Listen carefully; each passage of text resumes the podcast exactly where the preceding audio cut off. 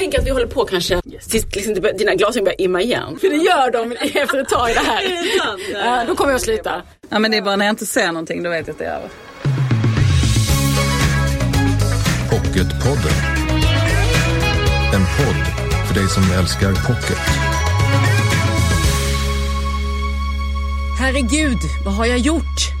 Det var den iskalla tanke som genomfor Sofia Rönnow Pessa när hon fick veta att förlaget vill ge ut hennes bok Männen i mitt liv. Det här är en rätt brutal och explicit skildring av en kvinna som söker bekräftelse genom sex och hur dåligt det går för det mesta.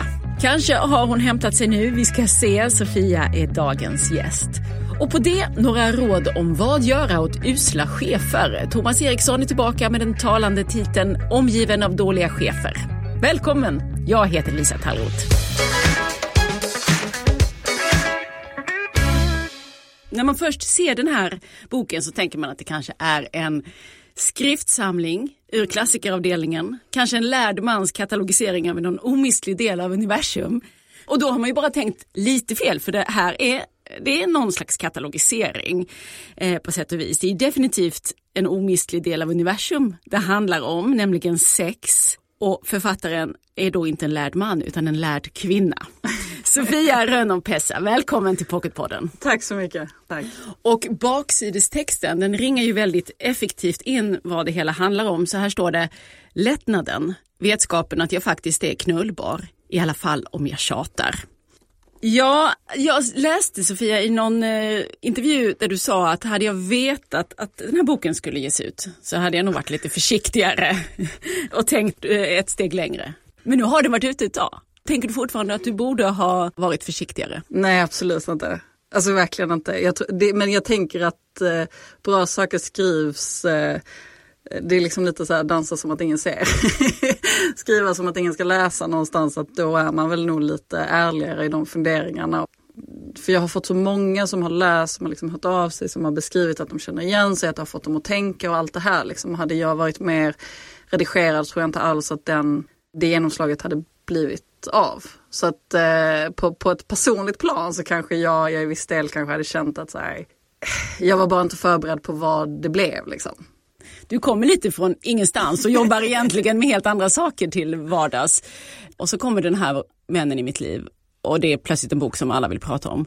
Det faktum att det har blivit så stor diskussion, det säger ju väldigt mycket om vilka frågor folk slåss med och vad som skaver och vad folk far illa av och vad som gör ont. Liksom.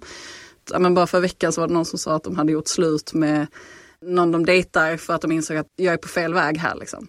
Och jag har haft folk som har hört av sig som är i par där liksom kvinnan har kunnat använda boken för att så här peka på saker som hon tycker är problematiska eller liksom tidigare erfarenheter eller att folk har insett liksom att ja, men hur de har blivit behandlade i tidigare relationer, att de har kunnat sätta fingret på vad som är fel för att de känner igen sig i någon i, i boken och sådär. Så att jag upplever att läsaren har ett samtal med sig själv i läsningen det blir ofta att de kommentarerna och recensionerna jag ser på boken går oftast ganska långt ifrån boken. att man börjar prata om liksom ämnena som tas upp snarare än själva boken och det tycker jag är ett, ett fantastiskt fint betyg. Mm. Nu låter det som att du är att du är en relationsexpert. Det är det som du har blivit.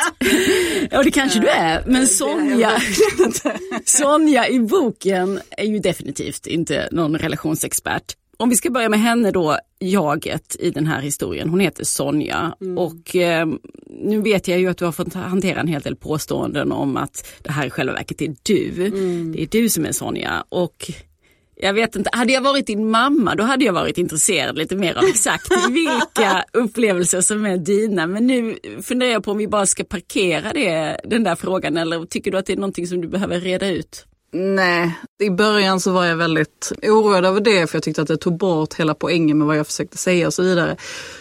Nu så känner jag väl bara att folk får tro vad de vill, det är liksom inte det som är det viktiga. Jag försöker inte berätta någonting om mig, jag försöker berätta någonting om, om kvinnors upplevelser. Ja, vad var upprinnelsen till den här boken Männen i mitt liv? Jag har alltid intresserats av eh, sex. det har väl i och för sig alla. Men liksom sex eh, plats i samhället och hur vi förhåller oss till det. Och jag har alltid tyckt att det varit väldigt intressant ämne just därför att jag tror att det är någonting som existerar så mycket men som vi aldrig riktigt pratar om utifrån liksom det obekväma eller det svåra utan det är väldigt mycket antingen dåligt eller bra. Jag tycker att vi är dåliga på att nå liksom kärnan av vad som är problemen. Liksom. Och Sonja är då en ung kvinna.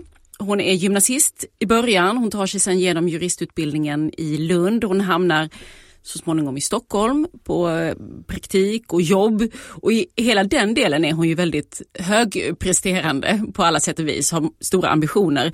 Hon eh, talar om för oss att tre saker är viktiga för mig. Jag vill rädda världen, jag vill uppfattas som vara begåvad och jag vill bli älskad. Och eh, hon tycks ju absolut vara begåvad och världens räddning jobbar hon på i sitt arbete inom juridiken. Men det här med att bli älskad, hur ligger det till med det för Sonja?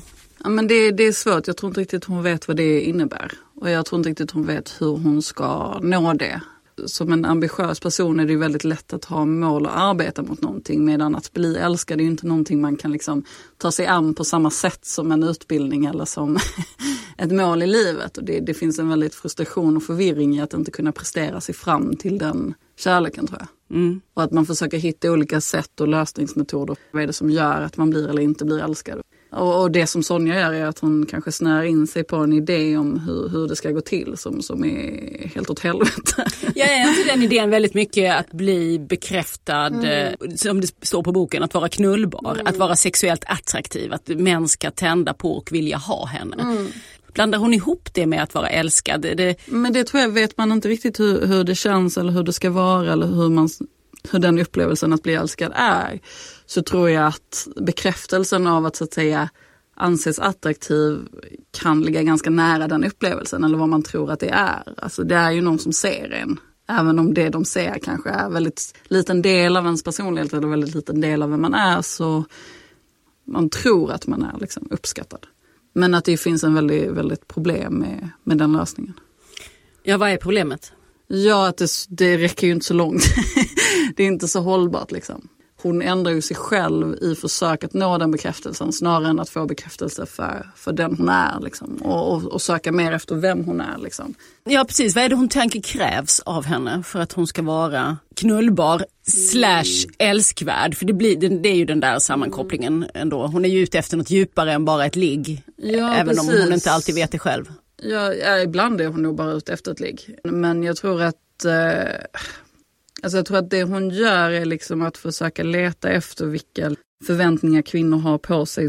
Och då skulle jag säga att det ofta finns ganska snäva roller på den förväntan och då kan det antingen vara att man är liksom den väldigt kyska och uppnåeliga, liksom, alltså liksom Madonna och horan identiteten och jag tror att för henne så, som någon som gillar sex, som är nyfiken, som är utåt, som är liksom allt det här, så är det liksom en helt omöjlig roll att fylla. Så då går hon till den andra rollen som är att liksom bli intressant genom sin, sin sexualitet. Liksom. Är det den här idén om den sköna tjejen som är så mm. himla avslappnad, frigjord, gränslös. Du skriver så här, eller Sonja uttrycker det så här då genom dig. Eh, jag vill vara frigjord men jag lyckas inget mer än att uppfylla deras och min fantasi om vad en frigjord kvinna är. Mm. Så vad, vad, finns, vad finns i den där friheten, den här frigjordheten? Ledande fråga, är det frihet? Nej, men jag tror att möjligheten att vara frigjord fortfarande är så svår med alla de liksom ganska tunga förväntningarna på kvinnor framförallt att det är väldigt svårt att hitta sina egna gränser i det. Det är väldigt svårt att identifiera var ens egen vilja kommer in. Jag tror att vi är liksom uppväxta med idén om att göra oss till, att göra oss till någon typ av attraktiv kvinna, att vi hela tiden ska så att säga förändra vårt utseende och så vidare. Att när vi väl hamnar i en situation, sexuell situation så är det extremt svårt att fråga eller se vad vill jag? Var går mina gränser? Hur får jag fråga? Jag tror att liksom, kommunikationen i sexet ofta bristfällig. Och kanske framförallt i tillfälliga förbindelser.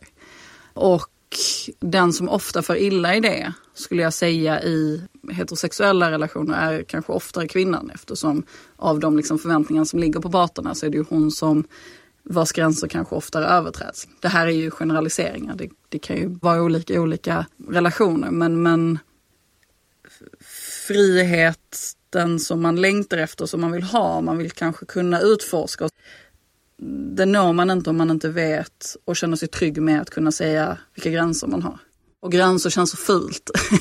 gränser känns så tråkigt i de här sammanhangen. Man vill ju inte vara den som säger nej. Och hur säger man ens nej i en sexuell situation? Hur tas det emot? Vad blir reaktionerna? Alltså allt sånt här som jag upplever att vi liksom inte riktigt pratar om. Och om man inte vet vilken reaktion man får eller om man då blir den tråkiga och man har satt så mycket av sitt egenvärde på att vara uppskattad genom den här situationen. Mm. Då är det ju en extremt liksom, känslomässigt riskabel upplevelse att säga, vet du vad, det här vill inte jag.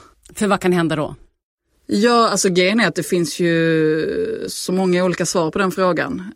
En sak är att det skulle kunna bli obehagligt. Alltså det skulle kunna bli att ett nej inte respekteras. Att det blir ett övergrepp? Att det blir ett övergrepp. Vilket kan göra att det kan vara tryggare att eh, gå med på något man inte vill gå med på för att slippa den risken att vara med om ett övergrepp. Kroppen kommer inte uppleva det så. Men, men intellektuellt så kan man ju komma undan det.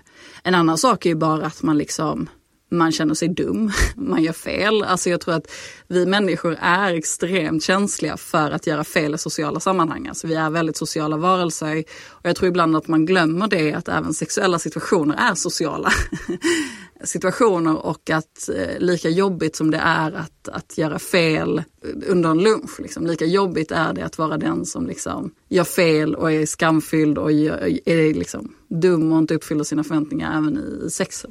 Men du har en idé om att är det att, att kvinnor bär ett större ansvar för att stämningen ska vara god i, även i sexuella möten än vad männen har? Känner ett större ansvar? Ja det tror jag. Alltså jag tror att det oundvikligt är så här att i, i många heterosexuella situationer så är ju någonstans mannen den som har så att säga den som är den gränsöverträdande, den som testar nya saker. Så det är också, alltså rent fysiskt så är liksom penetration en annan aktivitet än att så att säga vara den andra parten. Så att i, i de förutsättningarna så blir det ju mer naturligt att det är kvinnan som måste säga stopp eller kvinnan som måste hitta, alltså vara den som säger nej. Och det, jag menar, det är ju det är liksom en sån naturlig dynamik att liksom mannen vill alltid ha sex, kvinnan tillåter det. Alltså hela den idén skapar ju så märkliga förutsättningar för vad, vad sex är. Och jag tror att vi har en, en lång bit kvar innan man är helt fri från de förväntningarna. Det som är så märkligt med sex är att man liksom oftast då är två personer ensamma. Och att man inte har samma möjlighet att så här stämma av med andra om, man, om det är andra som håller med en. Utan man är väldigt ensam i sitt eget perspektiv och väldigt ensam i sitt eget perspektiv gentemot den andras förväntningar och förhoppningar. Så att det här försöket att läsa vad den andra vill, det kan bli en ganska ensam situation.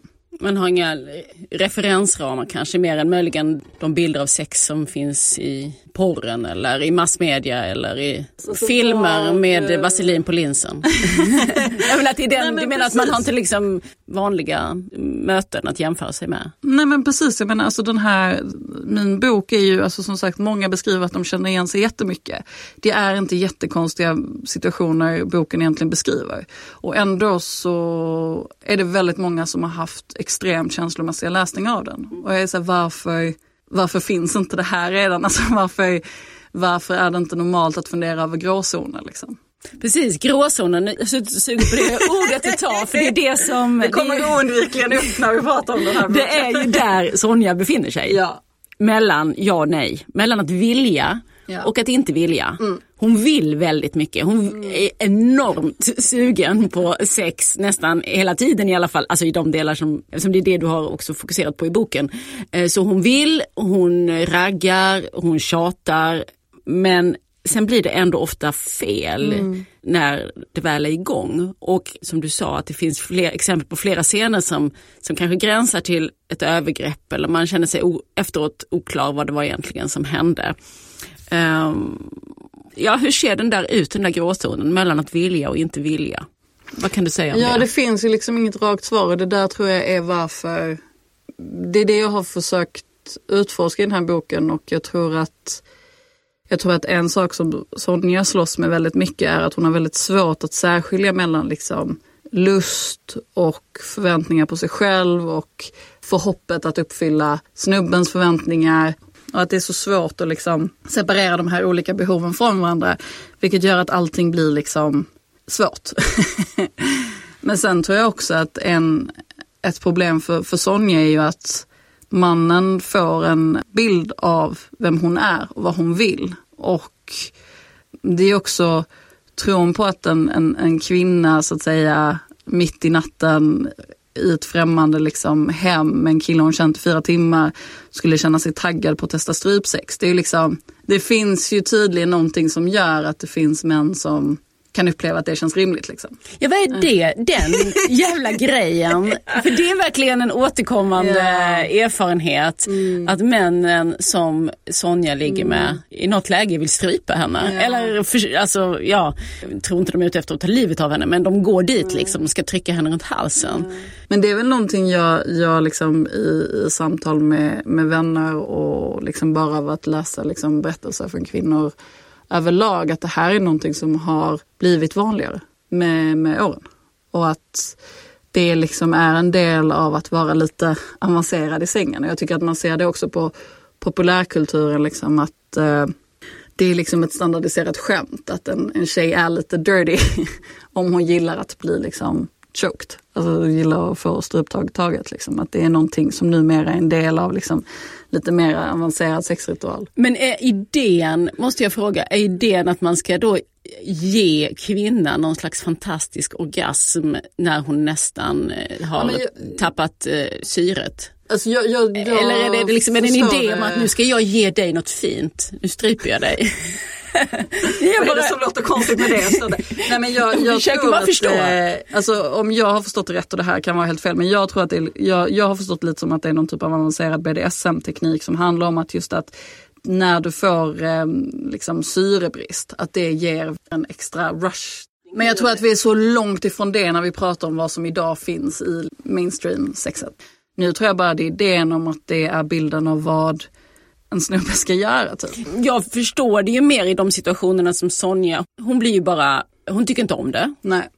Hon säger ju inte nej eller stopp Nej. men bara tänker att kan han inte lägga av snart. Och eftersom hon inte alls eh, är intresserad av det här så tänker man ju, läser man ju det mer som en någon slags manlig maktutövning, att det är någonting som han gör, som han tänder på. Jag tror att i, i sexuella situationer, jag tycker att det fanns något skönt med att bara ge ett perspektiv eh, som också inte är självklart. För jag tror att beroende på mannens beskrivning av händelsen så betyder den sexuella händelsen väldigt olika saker. Jag tror att den kan vara mer eller mindre naiv. Och det är väl lite, jag hade en, eh, en vän till mig, en, en- en kille som läste den som sa att han tyckte att det var intressant så här idén om att dina sexuella händelser kan, kan återkoppla till någonting som personen har varit med om som absolut inte är ditt fel. Liksom. Eller även om ert sex har varit någorlunda okej men kanske att någonting blev lite fel. Så kan det vara någonting som liksom kopplar tillbaka något, någonting annat som har hänt som gör att den situationen är mycket tuffare än vad den är. Ja, ja, alla människor har ju bagage och Precis. erfarenheter. Det behöver inte ens handla om tidigare sexuella erfarenheter, det kan ju bara vara Precis. Men jag tror att barndomsupplevelser eller vad som helst. Precis, men jag tror att vi i sexuella sammanhang ibland glömmer bort den aspekten. Att, att det finns liksom ingen objektiv mall för vad som passar i sexuella sammanhang och vad någon gillar och inte gillar. Utan det är därför man måste vara så öm och försiktig med varandras gränser. Just därför att man inte vet vilka erfarenheter andra har och hur det kommer läsas, det som personen gör. Alltså särskilt när det handlar om att introducera någon typ av våldsinslag. Eller någon typ av saker som är naturligt liksom gränssättande. Att man måste vara ja, men alldeles särskilt försiktig. Om man känner sig sugen på att lätt strypa någon. Men precis, precis precis. Jag skulle jättegärna höra någon, någon liksom kille som har gjort det tänka lite högt kring, kring hur tankarna gick och sådär. Men, men jag tror att det kanske dröjer ett tag innan vi får en.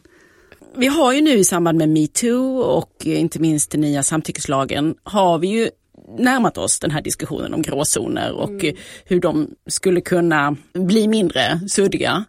Eh, Har du skrivit den här boken, för du har ju i tiden i alla fall, har, de, har du ju sammanfallit lite grann, både med metoo-kampanjen och med eh, hela debatten kring samtyckeslagen. Har du skrivit det lite som ett inlägg i den debatten? Nej, jag skrev den, eh, mycket av den är skriven långt innan dess. Eh, Den här delen skulle jag säga är den delen som inte riktigt, eller i vissa fall, i vissa fall skulle jag säga att det är en övergrepp men i andra fall så skulle jag säga att det är den här delen som inte riktigt ryms inom juridiken skulle man gå in och diskutera så här, vems fel är det och så vidare, vem, vem ligger ansvaret på, så tror jag att det också blir fel fråga. Utan den viktigaste frågan i de här sammanhangen är liksom, far någon illa? Och gör någon det, då måste någonting ändras. Och då är det lite skitsamma vem som har mest ansvar eller vem som gör mest fel, utan bara så här, vi vill att sex ska vara någonting annat. Och... Men, men är du inte intresserad av den här ansvarsfrågan i det sexuella mötet? Jo, alltså på, på ett sätt jo, men jag tror att ansvarsfrågan i frågan om det sexuella mötet har ofta, ibland upplever jag, använts som ett sätt att att det är huvudfrågan. Att jag tror att om vi hela tiden pratar om var ansvaret ska läggas så blir det liksom en fråga om skuld. Och även om jag tycker att det är viktigt för erkännande och det är viktigt att människor så att säga inser att de har gjort fel om de har gjort fel. Men jag tror att den andra diskussionen som man vill också ha är ju hur förändrar vi det här? Jag tror för att det som är faran med liksom Ibland när vi pratar om ansvarsfrågan är att liksom, då ska vi hitta hur män, mannen är 100% förövare och kvinnan är 100% offret och om det inte är den naturliga uppdelningen så släpper vi det lite. Och det jag tycker, det jag ville försöka göra med den här boken är ju att ha någon som absolut inte är ett hundraprocentigt offer, som tvärtom är absolut i vissa fall delaktig i varför hon far illa. Och ändå peka på att så här, det kan ändå vara fel.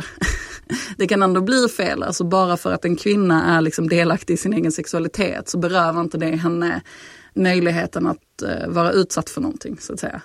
Allt det som händer efter det första jaet, det är fortfarande liksom en, en förhandling och man har rätt att säga, mm. säga nej när som helst efter sitt, sitt första ja. Ja men precis, ibland kan jag uppleva att liksom samtyckesdiskussionen blir liksom just så här, vi ska utröna om hon ville eller inte ville och att man då tar bort, att man ibland då flyttar från idén om att så här, sex är ett samtal samtycke är någonting som pågår under hela upplevelsen. och att liksom vi måste veta, bara för att någon sa ja i början betyder inte det att hon liksom säger ja till alla de här bitarna.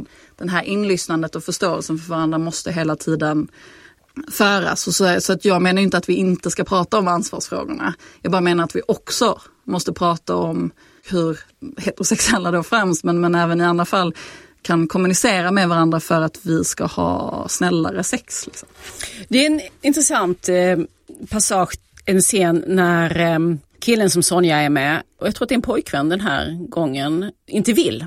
Mm. Sonja är full och vill ha sex, han vill inte, han puttar bort henne och går och lägger sig.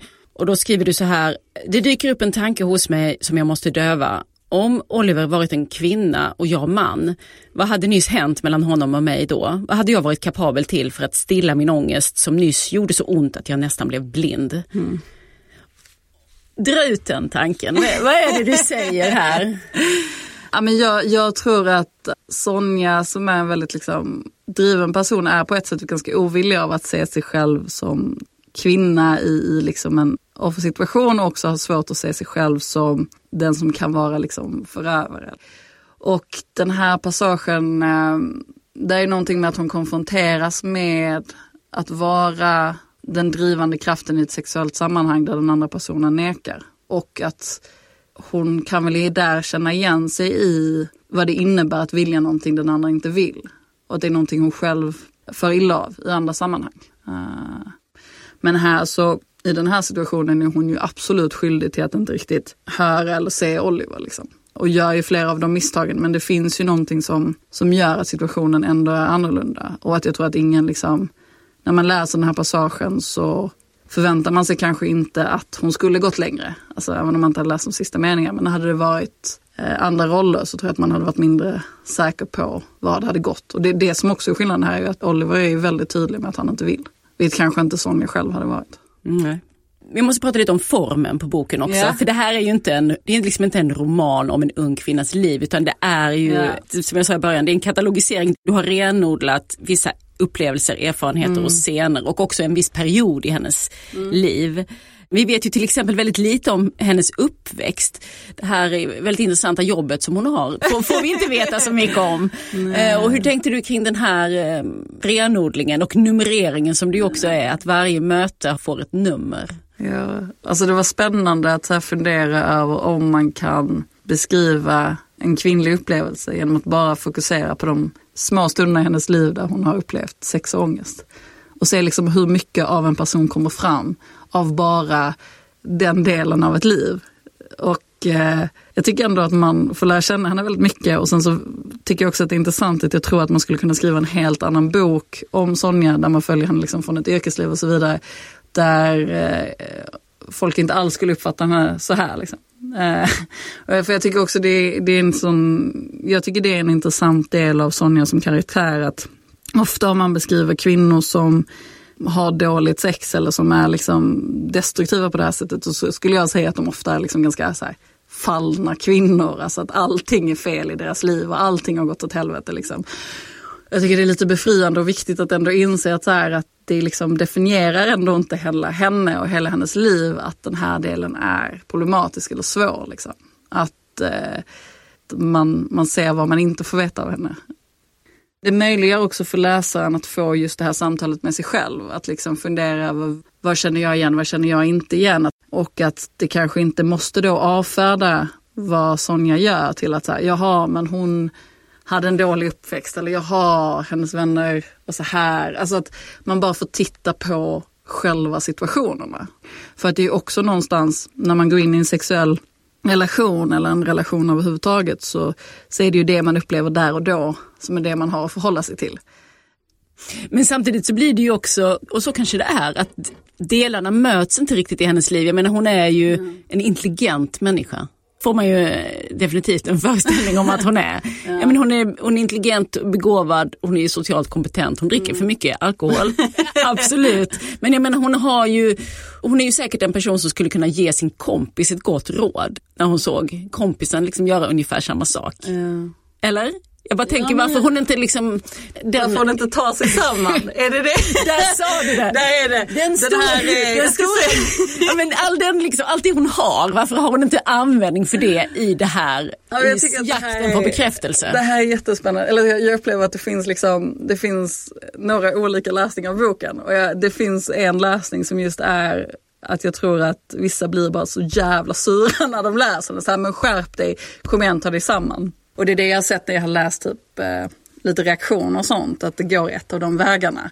Att folk säger, jag pallar inte, hon får fan sköta sig själv. Eller så är det den här vägen av liksom igenkänning och samma frustration, för jag tror att den där kan hon inte bara skärpa sig. Det är samma frustration som de personerna känner. Varför skärper jag mig inte bara? Och det är faktum att man får bekräftat liksom, att det är så.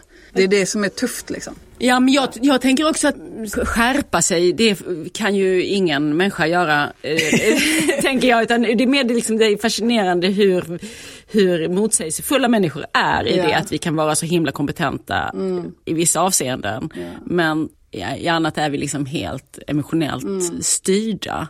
Man kan göra hela liksom analysen kring eh, vilka kvinnoideal vi matas med. Sen står man ändå där och speglar rumpan och känner sig nervös. Nej precis, det ena är ju känslomässigt och det andra handlar om rationellt. Men jag tyckte det var så intressant, jag hade en, jag blev intervjuad av en person som började med att hon var liksom så här, men jag blir jäkligt irriterad på Sonja och sen så när vi pratade lite hon bara så här, det jag inser är att jag är jävligt irriterad på Sonja för att hon påminner mig jättemycket om när jag var 25. Och att det är mig själv jag är sjukt irriterad på, på varför tror jag mig inte bara samman liksom. Och det tycker jag också är intressant att här, den frustrationen över, precis som du säger, bristen på koppling. Men jag tror också att den här idén om, om psykisk ohälsa som också tar ganska mycket plats, att den går att rationellt göra sig fri från. Alltså så här, ja men okej men du är deprimerad men du vet väl att så här, joggar du mycket så kommer det att lösa sig. Liksom. Mm, alltså så här, mm. att man, man har idéer om att så här, du borde veta bättre. Och jag tror att problemet med liksom, destruktivitet eller psykisk ohälsa är ju att man är fast i man har ju inte de möjligheten att nå de rationella verktygen. Ja, man har inte en hjärna till utanför Nej, som kan säga till precis, ja. hjärna nummer ett Nej, att precis, den har spårat ja. ur. Så det är ju, ja. Men du Sonja lever ju lite vid sidan om. Hon har ett Twitterkonto. Ja. Berätta om det.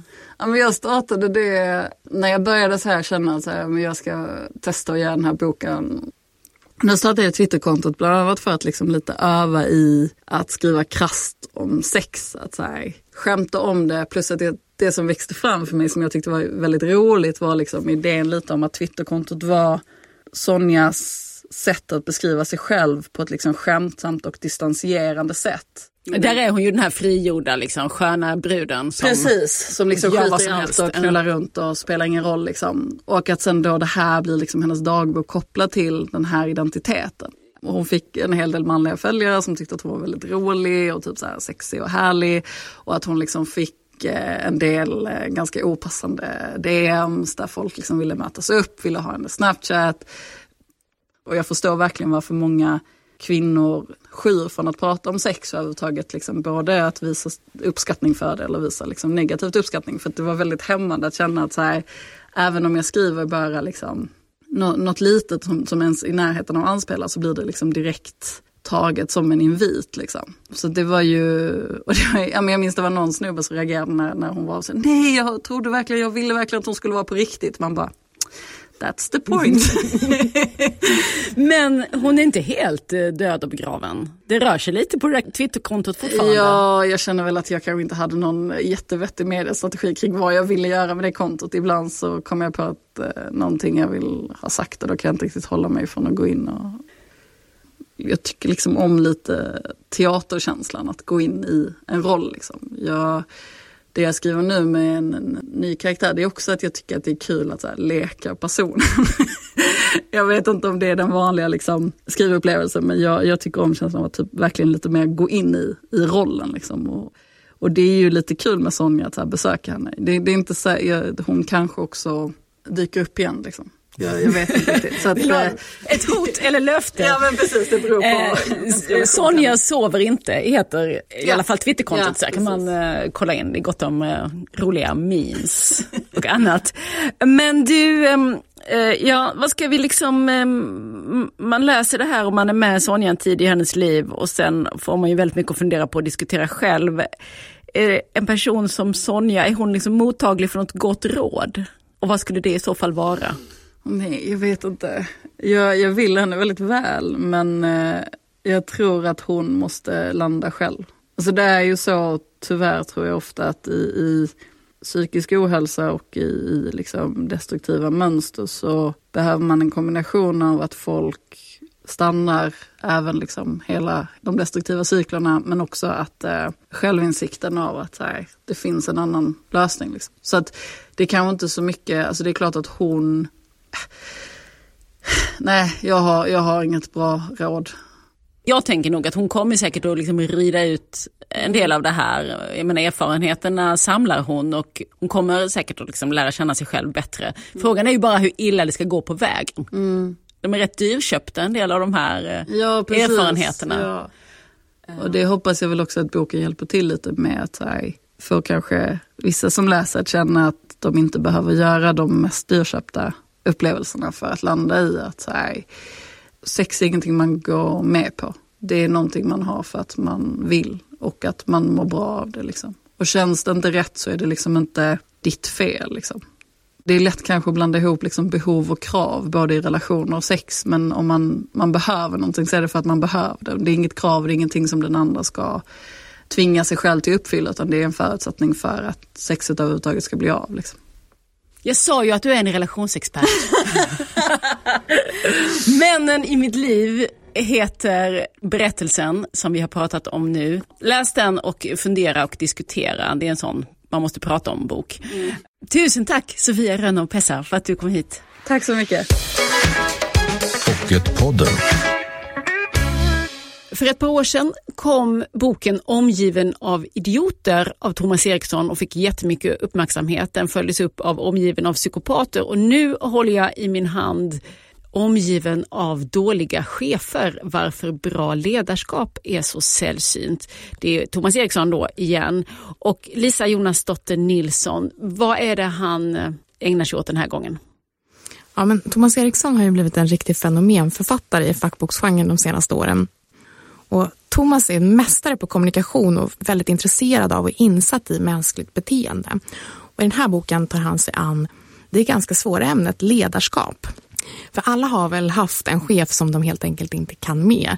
Eh, det har jag i alla fall. Och man bara, vi klickar inte. Hur ska vi lösa det här? Istället för att gå runt och vara sur eller irritera sig så kan man läsa den här boken och eh, lära sig lite mer om hur man kan förstå sin chef. Och precis som de tidigare gångerna så utgår han från de här principerna med fyra grundfärger och hur ett bra ledarskap kan liksom clasha med, med olika personlighetstyper och hur man liksom kan rusta sig för att ha ett mer konstruktivt och eh, konkret samtal med sin chef.